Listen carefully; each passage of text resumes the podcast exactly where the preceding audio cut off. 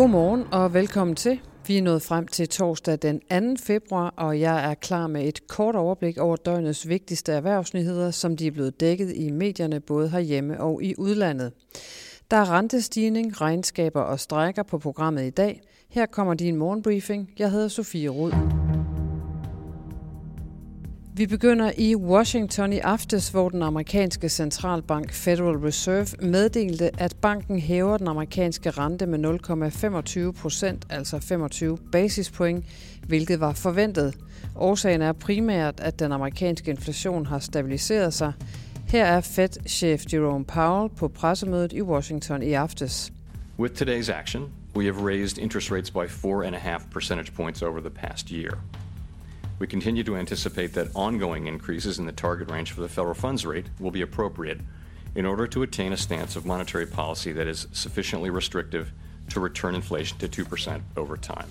Det er den 8. renteforhøjelse siden marts 2022. Søren Christensen, som er cheføkonom i Sydbank, skriver i en kommentar, denne gang er der tale om det, man kan kalde en normal renteforhøjelse. Det er, det er et kraftigt signal om, at den værste panik har lagt sig i centralbanken, skriver han. Wall Street Journal konkluderede sent onsdag, at Federal Reserve signalerede, at en ny rentestigning er sandsynlig i næste måned. På forsiden af børsen i dag kan du læse, at en stribe af Danmarks største virksomheder som Rambøl, Danfoss, Grundfos, Christian Hansen og Linak er frustreret og stærkt utilfredse med, at de danske myndigheder, uden at fortælle virksomhederne om det, har ændret praksis og gjort det langt sværere at få ansatte og forretningsforbindelser til Danmark på et visum. Virksomhederne får i stigende grad et nej, også selvom det drejer sig om få dage, og reglerne er restriktive, byråkratiske og ødelæggende, lyder det. Ib Enevoldsen, som er administrerende direktør i Rambøl Danmark, siger blandt andet til børsen, det er gennem det seneste år blevet meget sværere at få indrejst vores ansatte på et visum. Det tager uforholdsmæssigt lang tid, og i rigtig mange tilfælde får vi et nej med begrundelser, som virker meget tilfældige. Den måde, man fortolker det her på, er enormt restriktivt og byråkratisk, siger Enevoldsen. Den historie er på børsens hjemmeside lige nu. Gode intentioner, to historier og flotte billeder er ikke nok, hvis investorerne skal kunne have tillid til virksomhedernes afrapportering om grønne tiltag, bæredygtighed og diversitet. Der skal flere data, mere gennemsigtighed og kontinuitet til. Det er en mangelvare i dag, lyder det fra flere sider i Finans i dag. En ny analyse fra revisions- og konsulenthuset PVC viser, at få investorer har fuld tiltro til virksomhedernes egne fortællinger om deres bæredygtighedsindsats, og at 87 procent af de adspurgte investorer mener, at virksomhedernes rapportering indeholder en form for greenwashing eller udokumenterede påstande om bæredygtighedspræstationerne, skriver Finans. Novo Nordisk topchef Lars Fruergaard Jørgensen skruer væsentligt op for investeringsniveauet i medicinalkoncernen, fordi relanceringen af fedmemedicinen Wegovy bestyrker troen på det langsigtede potentiale, kan du læse i børsen. Også selvom lønsomheden lider på den korte bane, efter at Novo Nordisk kom med kvartalsregnskab onsdag. 2022 har været præget af forsyningsproblemer, men alligevel har der været høj vækst, der har tilført ekstra omsætning på 36 milliarder kroner i Novo Nordisk, eller rundt regnet to gange omsætningen i medicinalkoncernen Lundbæk. Den øgede efterspørgsel betyder, at Novo Nordisk vil fordoble sine investeringer i fabriksanlæg i 2023 til 25 milliarder kroner for at sikre, at medicinalkoncernen får løst de sidste udfordringer med forsyningen af produkter, så selskabet kan levere alt, hvad der efterspørges i markedet, og det kan du læse i børsen i dag. Økonomiminister og venstre topfigur Troels Lund Poulsen skal spille en absolut nøglerolle i arbejdet med at udstikke den politiske kurs og fastlægge den økonomiske politik i den nye regering. Det siger han selv i dag i et interview i Berlingske. Det handler om at, citat, fremtidssikre Danmark og øge den danske velstand, siger han. Derfor er afskaffelsen af Stor Bededag og andre initiativer som reform af videregående uddannelser af SU'en og en afskaffelse af landets jobcentre også blot begyndelsen, fastslår økonomiministeren, som bekræfter, at der kommer mere af den slags. Lund Poulsen siger til Berlingske, Ja, det vil der gøre. Sådan må det være, fordi det er det ansvarlige at gøre.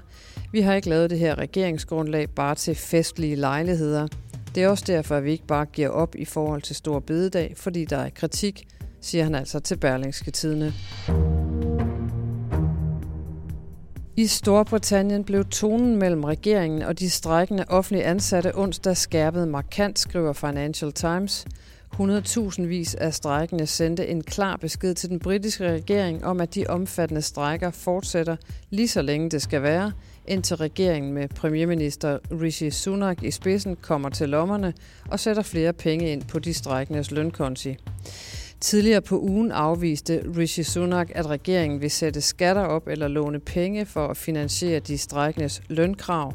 Det er blandt andet hospitalsansatte, skolelærere, lokofører og embedsmænd, der lammer store dele af Storbritannien for tiden. Svaret på Rishi Sunaks udmelding kom altså onsdag med løftet, eller truslen om man vil, om at strækkerne derfor fortsætter. Onsdag bød på rigtig mange spændende regnskaber. I USA slog teknologigiganten Meta, der står bag Facebook, analytikernes forventninger i fjerde kvartal i et regnskab, som blev offentliggjort efter børslukning i aftes. Meta-aktien skød op med 18 procent i eftermarkedet. Herhjemme var det blandt andet Ørsted, der onsdag offentliggjorde sit årsregnskab for 2022, som i høj grad var præget af stor turbulens på energimarkederne og stejlt stigende priser på el og gas. Ørsteds bestyrelse foreslår at udbetale et udbytte på 13,5 kroner per aktie. Det svarer til et samlet udbytte på 5,7 milliarder. I dag kan du holde øje med blandt andre Apple og Danske Bank, der kommer med regnskaber. Vi skal tilbage til Wall Street, hvor de amerikanske aktier onsdag gik fra minus til plus i takt med, at centralbankchef Jerome Powell svarede på spørgsmål fra pressen. Da klokken ringede handelsdagen af kl. 22 dansk tid, var det med en stigning i S&P 500 på 1,1 procent. Nasdaq med de mange tech-aktier steg med 2 procent, mens Dow Jones handlede flat. Herhjemme gav onsdagens mange kvartalsregnskaber et hop i C25, som endte på 1,1 procent i plus.